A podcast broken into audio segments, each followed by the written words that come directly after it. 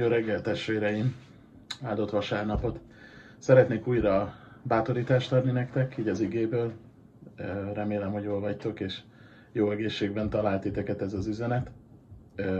Köszönjük, hogy imádkoztak értünk, mi is imában tartunk titeket. Gondolkodtam mostanában, hogy mi az, amit leginkább szeretnék az életemben látni, ami, amiből úgy látom, hogy talán hiányzik van, amiből szeretném, hogy több legyen jelen, amiben szeretnék növekedni, és beszélgettem erről Sárival, és mind a ketten azt mondtuk, hogy így talán az öröm az, amit szeretnénk, hogyha így megsokasodna az életünkben. Ugye elég nehéz körülményeket élünk, a legtöbben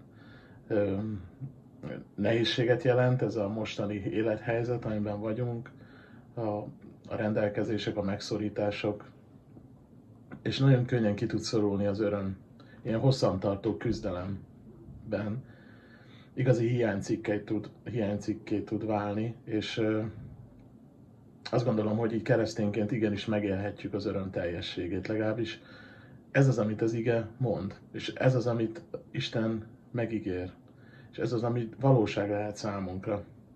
Jézus Krisztus, amikor itt a, a földi szolgálatát végezte, akkor, akkor sok küzdelmet élt meg, sok fájdalmat. Azt mondja Ézsaiás könyve róla, hogy a fájdalmak férfia volt.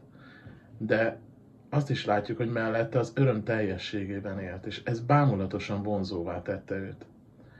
Amit, ahogy az emberek körülötte voltak, azt gondolom, hogy ez volt talán a leginkább, ami oda vonzott őket Jézushoz, hogy látták benne Isten örömét, sugárzott belőle.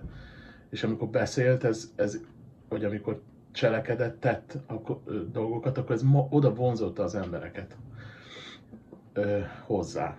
Elment egy esküvőre, együtt volt az emberekkel, együtt evett velük, egyet, együtt nevetett velük, tele volt örömmel és tele volt élettel. És Jézus ezt mondta a saját tanítványainak. Ezeket azért mondom nektek, hogy az én örömöm legyen bennetek, és örömötök teljessé legyen.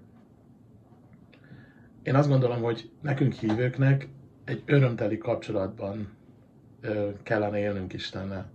Sőt, megélhetjük azt a fajta örömet, amiről Péter azt mondta, hogy kimondhatatlan örömmel örvendezhettek, hogy ez, egy, ez egy, nem egy természetes öröm, egy természet feletti öröm. A kereszténységünk lehet egy ünnep. Amikor a lelkiségünk ilyen savanyú, amikor abban élünk, hogy mit ö, lehet csinálni, mit nem lehet csinálni, és kikopik teljesen az öröm a, az Istennel való kapcsolatunkból, az Istennel való járásunkból, az, az szinte ellentmond ezeknek az igéknek, és Isten nem akarja, hogy így járjunk. Sokkal inkább azt mondja, hogy én meg akarom össze, osztani ezt az örömöt veletek. Örömnek kéne lenni az életünkben, és ez a gondol, e felől való gondolkodás ebben a témában, ahogy gondolkodtam, a Filippi levél felé vezette a, a figyelmemet, mert ez a levél az örömnek a levele. 19-szer van benne az öröm szó, négy fejezetben, és Pál, aki maga ezt a levelet írja, ő egy örömteli embernek mutatkozik ebben a levélben. Kifejezi az ő örömét ez a levél, és ő hív ebbe az örömbe mindenkit, akinek ez a levél szól, és nekünk is.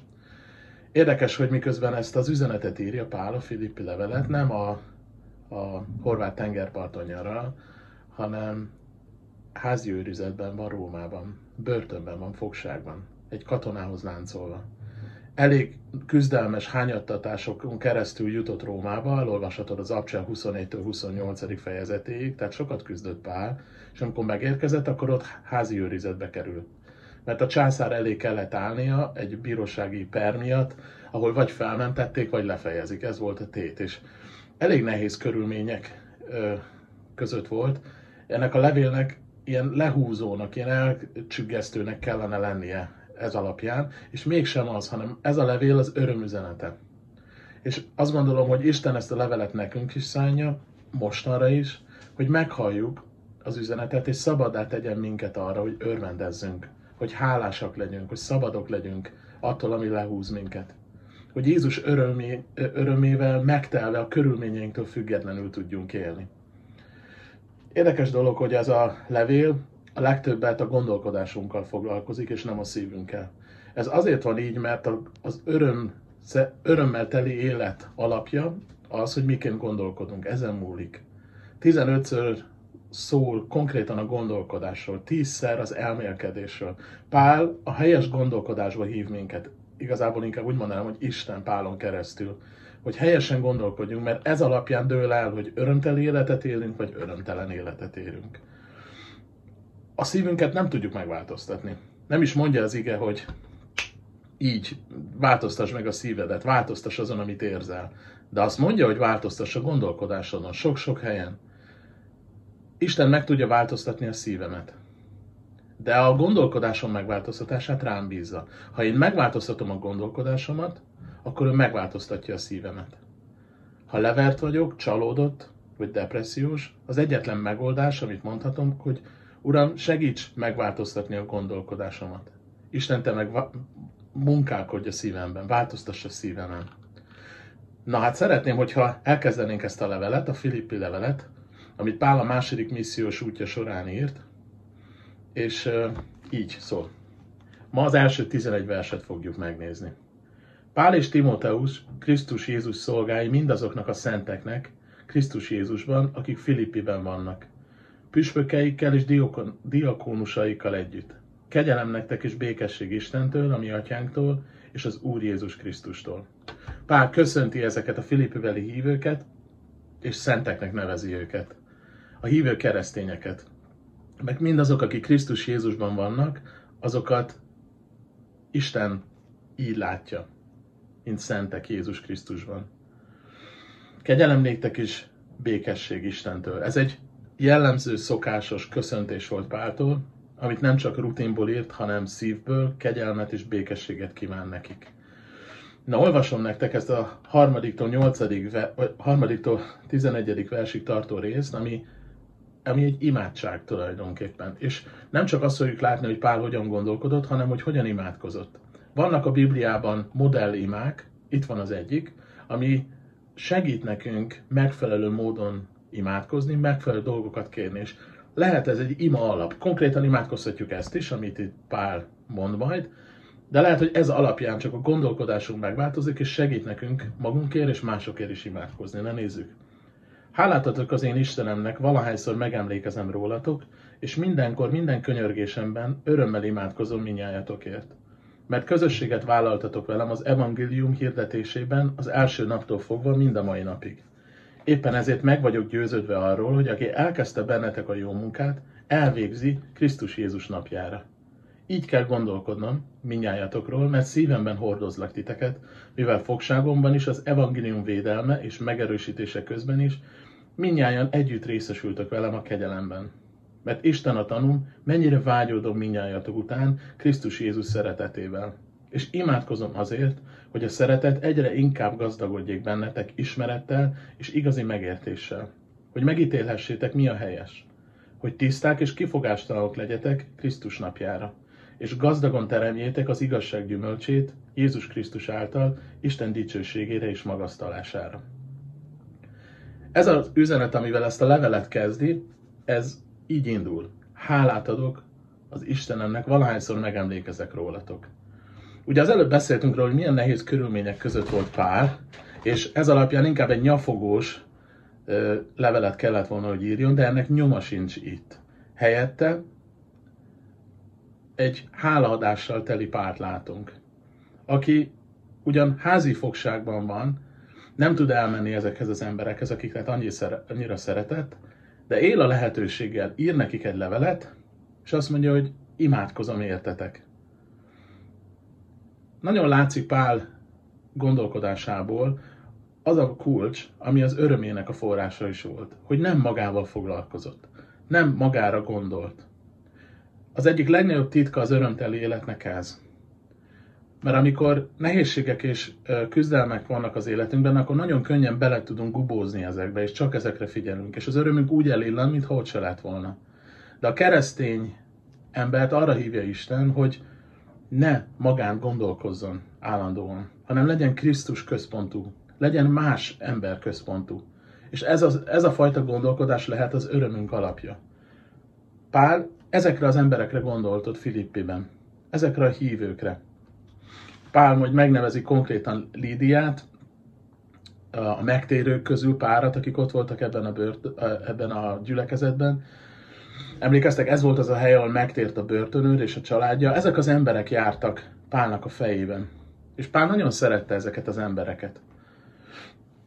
Többet mond el Pálról szinte az, hogy, hogy ennyire hálás volt értük, mint magukról a filippi beliekről. Mert azt mondja, hogy én mindenkor hálát adok értetek, minnyájatokért, minden imádságomban.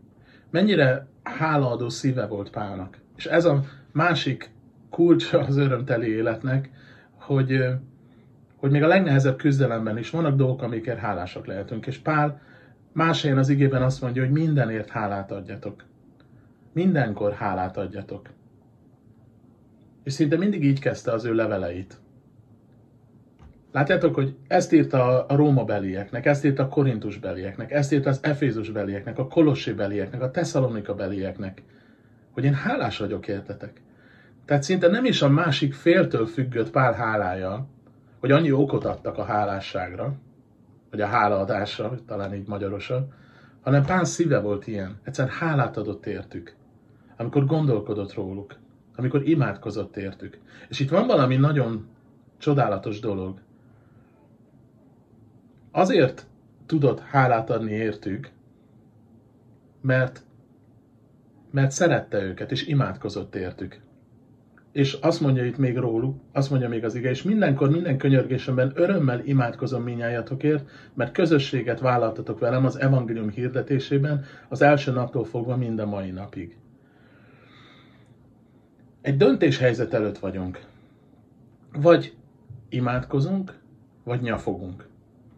Ez az érem két oldala. Van valaki, aki zavar téged, most ott körülötted? Van valaki, aki ellopja az örömödet? Ki az, aki levertétesz téged? Vagy így megy tovább ez a folyamat, vagy pedig úgy döntesz, úgy döntünk, hogy imádkozunk ezért a körülményért, vagy az azért az emberért, aki látszólag ellopja az örömünket, aki látszólag teljesen ellenséges velünk. Lehetek keserű, panaszkodó, vagy pedig lehetek olyan, aki rendszeresen imádkozik másokért. Amikor Isten rendelte a papokat szolgálatra, a főpapnak a, a szolgálatáról nagyon sokat mond, és az öltözékéről nagyon sokat mond az ige. Azt mondta az ige, hogy van egy papi efod, amit fel kellett venni a főpapnak, ami egy olyan eszköz volt, olyan ruhadara volt, ami így a vállukra volt téve. A válluknak a, a felső részéhez volt csatolva egy lánccal, és tartott valami egy ilyen melvast, amin drága kövek voltak. És egyszerre jellemezte a papnak a szolgálatát, hogy, hogy imában hordozza a népnek a terhét, itt voltak a vállán, 12 darab drága kő, ami Izrael egyes törzseit jellemezte, másról pedig arra emlékeztette, hogy, hogy kincsekként gondoljon rájunk, és mennyire csodálatos kép ez az imádságról, amikor valakit imában hordozunk a terhét, akkor kincsé válnak számunkra.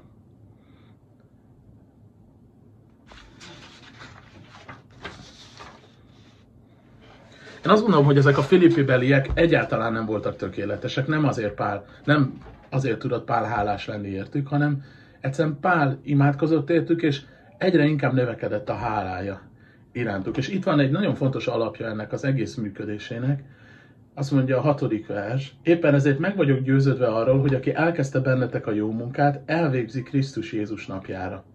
Szerintem ezt nagyon sokan tudjátok fejből ezt az igeverset, ez egy csodálatos ígéret, egy csodálatos igevers, és talán ez lehetett Pál imájának a motorja. Ez a meggyőződés, ez az ígéret. Ez egy ígéret Istentől.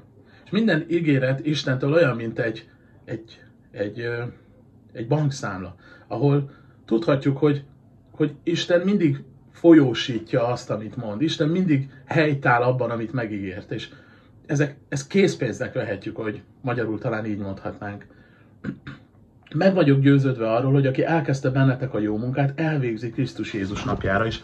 Pál meg volt győződve erről a filippi beliek kapcsán, hogy Isten elkezdte bennük az üdvösség munkáját, és folytatni fogja, nem hagyja félbe azt.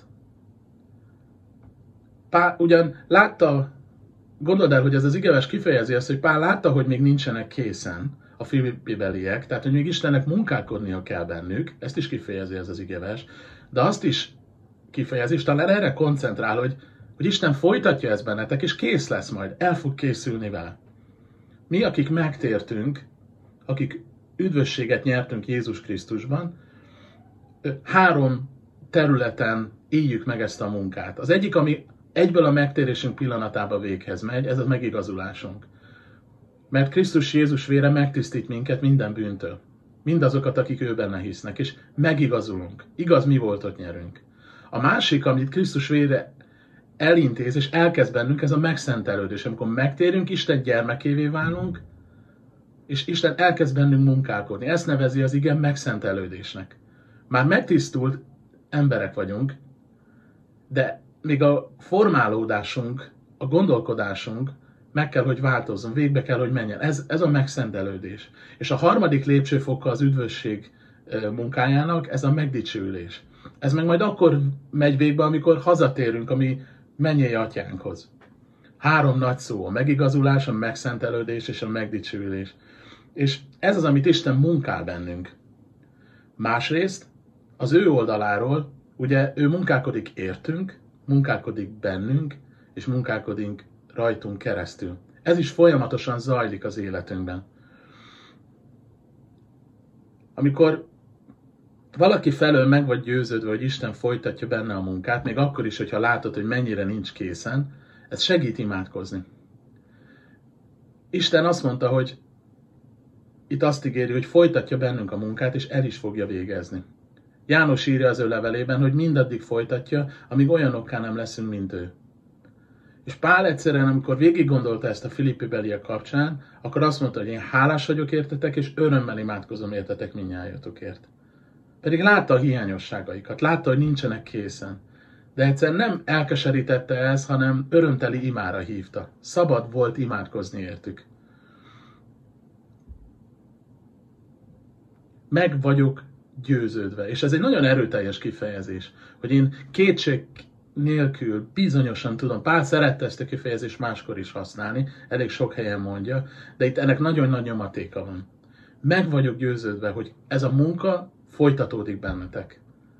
És én ezt tudom veletek kapcsolatban is, a saját életemmel kapcsolatban is, a feleségem életében, a, a gyermekeim életében, hogy Isten munkálkodik bennük, és folytatja azt a munkát.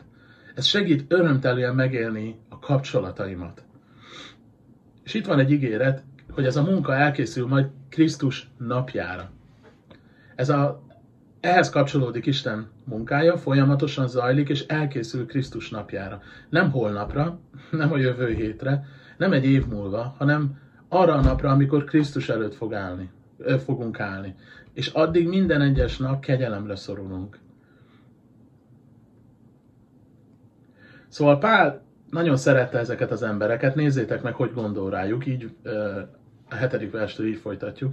Így kell gondolkodnom minnyájátokról, mert szívemben hordozlak titeket, mivel fogságomban is az evangélium védelme és megerősítése közben is minnyáján együtt részesültök velem a kegyelemben. Pál sokat gondolt ezekre a filippi beli hívőkre, és azt mondja, hogy én a szívemben hordozlak titeket. Nem tudom, hogy melyik volt előbb, itt a tyúk vagy a tojás, hogy a szívembe, szívébe hordozta őket, ezért sokat gondolt rájuk, vagy sokat gondolt rájuk, és a szívébe hordozta őket ezért. Talán ez a kettő együtt, egymást erősítve halad. Így kell gondolkodnom minnyájatokról, mert szívemben hordozlak titeket.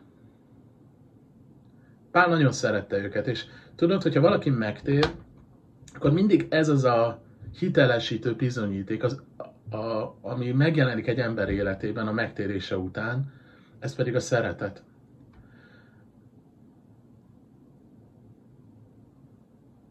Pál szerette ezeket a hívőket, és szívében hordozta őket. A Biblia alapján azt látjuk, hogy a szeretet az egy döntés. És ez az, amiben mind tudunk növekedni. Amikor szeretünk valakit, akkor törődünk vele. Amikor szeretünk valakit, akkor meg tudunk bocsájtani neki. Ez a szeretet az ige alapján úgy látjuk, hogy a Szentléleknek a gyümölcse. És ő rendelkezésünkre bocsátja ennek a lehetőségét a Szent Lelken keresztül, és a mi döntésünkön múlik, hogy élünk-e vele. A szívemben hordozlak titeket, írja Pál. És itt indul az az imádság, amire igazán szeretném a figyelmeteket vonni, és azt mondja, Mert Isten a tanum, mennyire vágyodom minnyájatok után Krisztus Jézus szeretetével, és imádkozom azért, hogy a szeretet egyre inkább gazdagodjék bennetek ismerettel és igazi megértéssel. Mielőtt elkezdeném megnézni ezt az imádságot, hadd ö, mutassak rá itt valamire, amit nagyon hangsúlyos. Pál bizonyosítani akart ezeket a filipőbeli hívőket az ő szeretetéről, hogy tudják, hogy mennyire szereti őket. Néha ö, azt gondoljuk, hogy a másik tudja, hogy én szeretem, és majd ö, akkor lesz ez téma, hogyha ebben valami gigszer támad. De igazából Pál ö, újra és újra, sokszor bizonyosította azokat az embereket, akikkel törődött, hogy mennyire szereti őket. Mert az ellenség szereti kikér, kikezdeni ezt a területet. Nem hiszem, hogy ezt úgy kéne csinálni, mint a hollywoodi filmekben, hogy napi 20-szor mondjuk, hogy szeretlek. Lehet így is, most nem ez ellen mondom, de hogy, de hogy valahogy őszintén és erőteljesen és a szavak szintjén érdemes kifejezni a másik embernek, hogy szeretjük, és hogy mennyire fontos nekünk. És ebben megerősíteni egymást. És imádkozom azért, hogy a szeretet egyre inkább gazdagodjék bennetek. Na ez az ima modell, szóval ez a pár igeves lesz most, ami ilyen ima modellként szolgál, Páltól, aki nagyon szerette ezeket a filipibeli hívőket. És az első dolog, amire imádkozik, hogy a szeretet egyre inkább gazdagodjék bennük. Ismerettel és igazi megértéssel. Ezek a filipibeli hívők valószínűleg elég jók voltak ezen a területen. Mert Pál azt mondja, hogy hogy egyre inkább gazdagodjék bennete. Tehát úgy látszik, hogy ők már gazdagok voltak ebben a szeretetben, de Pál azért imádkozik, hogy még inkább megélhessék, egyre jobban benne legyenek. Ez az legfontosabb keresztény jellemvonás, azt gondolom, hogy szeretetben járunk. És Pál azt mondta, hogy egyre inkább szeretném, hogy ezt megélhessétek. Már benne voltak, de azért imádkozott, hogy gyarapodjanak. Tudod, hogy minden lelki növekedésnek az az alapja, hogy, hogy növekszünk szeretetben. Isten vágya az, hogy mint gyülekezet, egyre inkább gyarapodjunk szeretetben. De egyénként is. És hogyan lehet a szeretetben növekedni? Hát itt konkrétan azt tanuljuk ennek kapcsán, hogy ezt lehet kérni. Pálapostól azért imádkozott az ő részükre, hogy növekedhessenek ebben. Mert úgy látszik, hogy Isten ezt oda akarja adni.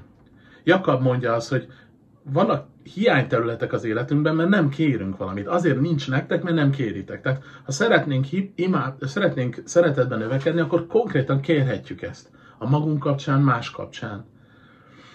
És ez a szeretet ugye ez nem egy érzés, hanem egy döntés, egy hozzáállás. Az 1 Korintus 13 mutat talán legjobban rá, hogy milyen működési területei vannak ennek a szeretetnek, hogyan működik ez. Ez a legnagyobb parancsolat, amit Isten ránk bízott. Hogy szeressük Istent teljes szívvel, teljes lélekkel, teljes erővel, és szeressük egymást úgy, mint önmagunkat. Ez a világ, amiben élünk, nem csak örömtelen, hanem szeretetlen is. És az, aki örömben jár, és szeretetben jár, az olyan, mint egy ilyen csillag az égbolton, egy ilyen ragyogó fény forrás. Annyira kitűnik, amikor valaki szeretetben jár. Amikor Isten szeretetre hív, akkor a Krisztusi szeretetre hív, hogy így szeressük egymást. És azt mondja, hogy nem csak azért imádkozom, hogy gazdagodjatok szeretetben, hanem hogy ez, ez a szeretet gazdagodjék bennetek ismerettel és igazi megértéssel.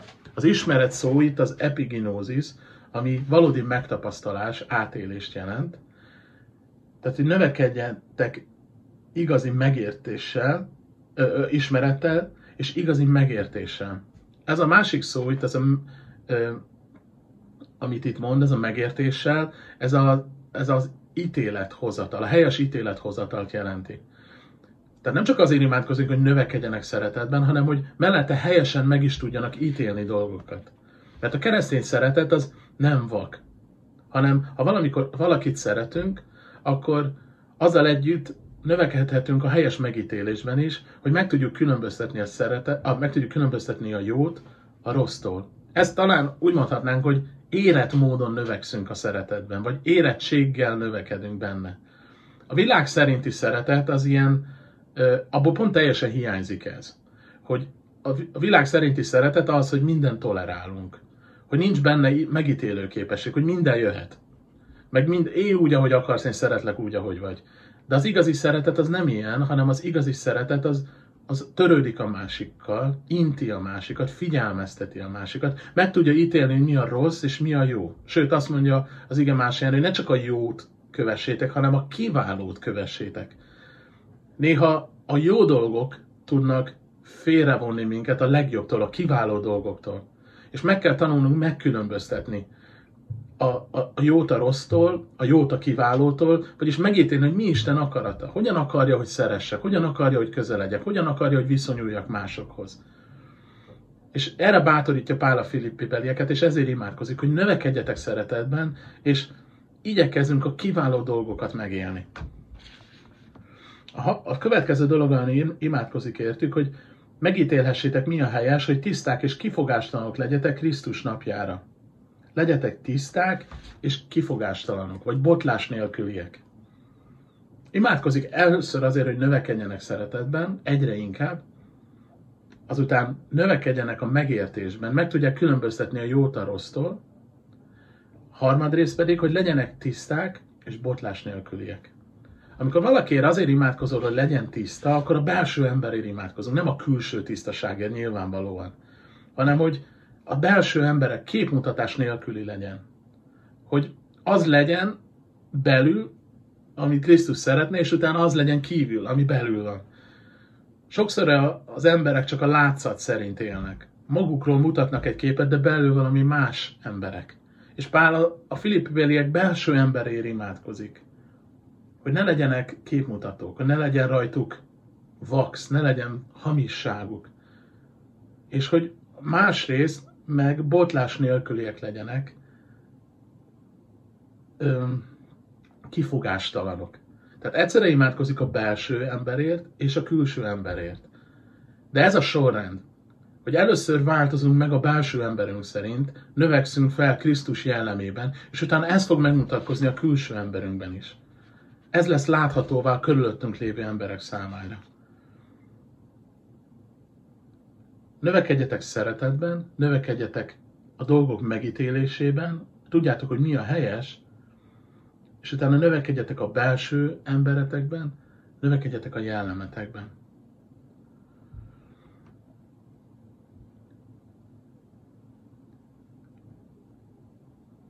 Ha szeretné az Úr ezekhez a hívőköz szólni, és hozzánk is, hogy ezekben az időkben növekedjünk a jellemünkben. Növekedjünk a tisztaságunkban. Járjunk a világosságban. Ez nem azt jelenti, hogy legyünk tökéletesek, mert ezt a fajta tökéletességet, ezt egyedül Krisztus élte meg. De folyamatos követésre hív minket Jézus, amiben ő, ő kegyelemben tart. Hogyha elesünk, felállhatunk, ha elrontjuk, ő kegyelmet ad, de mindig hív, hogy járjunk a világosságban, kövessük az ő akaratát. Hogy ne legyenek rejtett titkos dolgaink. Ne legyenek olyan dédelgetett dolgaink, amik számára nem kedvesek, hanem hozzuk ki azokat a világosságba. Valljuk meg azokat. És járjunk ő vele. Két próbája lehet ennek egyébként, ami a gondolkodásunkban segít. Ha valaki megnézné az életünket most, valaki közelről megnézni az életünket, akkor így felbátorodna a Krisztussal való járásra, vagy inkább eltaszítanánk Krisztustól.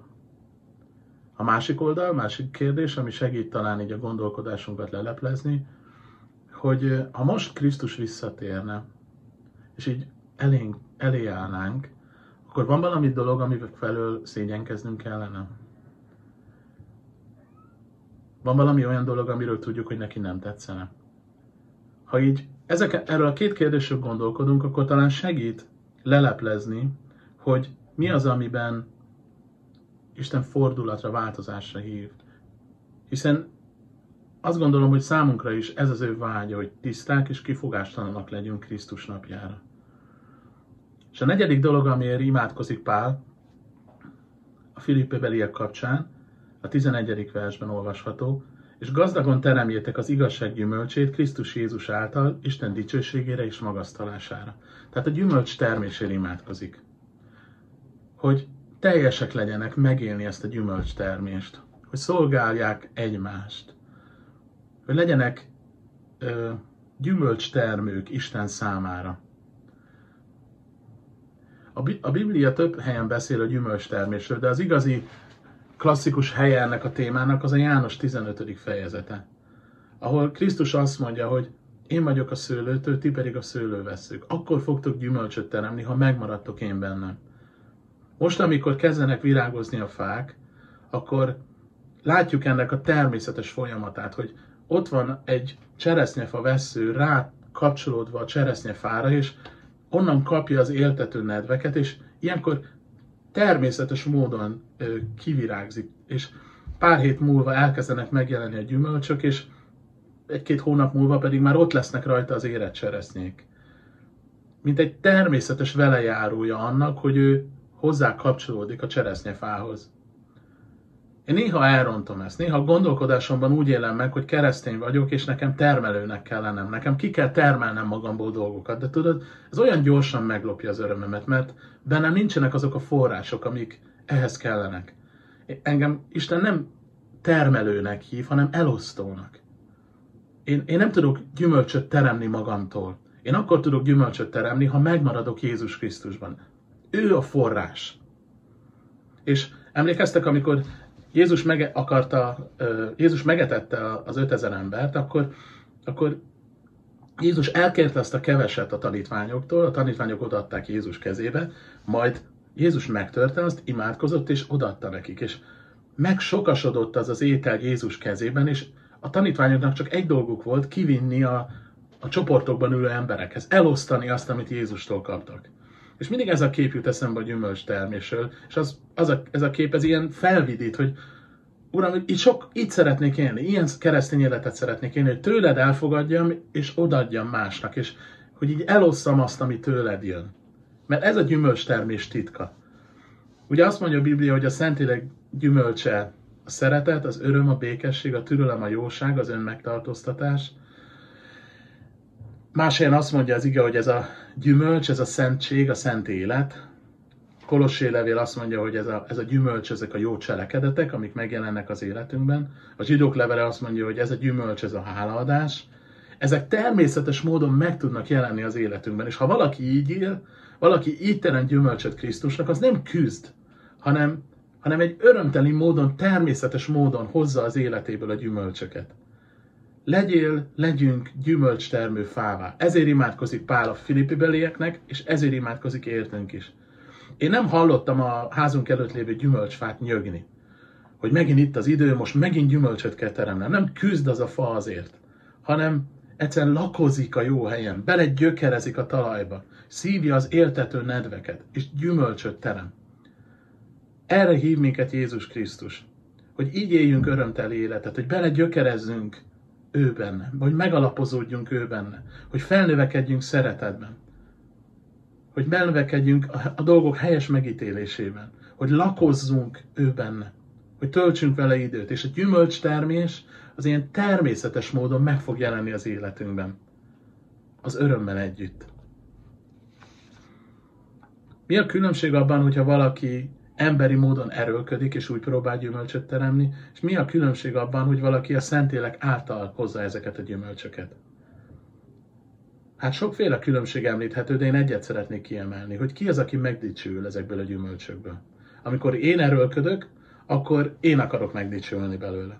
Amikor engedem, hogy Isten munkája, akkor ő fog megdicsülni belőle. És Isten ezt a munkát akarja elvégezni bennünk. Hogy ő hozza ezeket a gyümölcsöket a felszínre. És hogy ő dicsüljön meg. Ő nem termelni hív minket. Újra emlékeztetlek téged és magamat hanem azt szeretné, hogy kérjünk, elfogadjuk, és utána elosszuk. És az ilyen fajta keresztény élet, ez örömteli, ez vonzó mások számára. Amikor valaki így él, Isten szeretetében járva, az egyszerűen magához fogja vonzani az embereket. Mert ez a világ annyira örömtelen és szeretetlen, hogy ha valaki szeretetben és örömmel jár itt ezen a földön, az, az ragyogni fog. Én szeretném, hogyha most imádkoznánk, ez alapján, a modellima alapján, és kérnénk, hogy Isten ezt, a, ezt bennünk is végezze el. Jézus, köszönjük neked ezt az üzenetet, köszönöm neked, hogy te nem akarod, hogy örömtelenül éljünk, és hogy a világ határozza meg a mi lelki állapotunkat. Te ezt nem akarod, hanem Te azt akarod, hogy a te örömöd teljessé váljon mi bennünk. Te oda akarod adni ezt az értelmen felülvaló békességet, szeretetet, azt az örömet, ami te benned is lakozott. És mi ezt elkérjük, mi ezt szeretnénk. És azért imádkozom, Uram, hogy a szereteted egyre inkább gazdagodjék mi bennünk.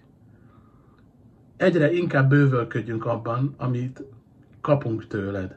Igazi megértéssel, igazi ismerettel, Uram. Hogy megítélhessük, hogy mi az, ami rossz, mi az, ami jó, mi az, ami kedves, hogy azt választhassuk, ami számodra, ami a te akaratod, Uram, ami tőled jön. Imádkozom, hogy így formálódhassunk a gondolkodásunkban, Uram. És azért is imádkozom, hogy tiszták lehessünk, hogy a világosságban járhassunk, hogy kifogástalanok legyünk arra a napra, amikor eljössz értünk. Köszönöm, Uram, hogy te, az, te vagy az, aki megtartasz minket. Te vagy az, aki bennünk élsz. És azért is imádkozom, hogy gazdagon teremhessünk gyümölcsöt. Az igazság gyümölcsét Jézus Krisztus által. Hogy ez, ez a gyümölcstermő élet, ez egy természetes velejárója legyen a veled való kapcsolatunknak. És imádkozom, hogy ott is teremhessünk gyümölcsöt, ahol eddig nem teremtünk gyümölcsöt.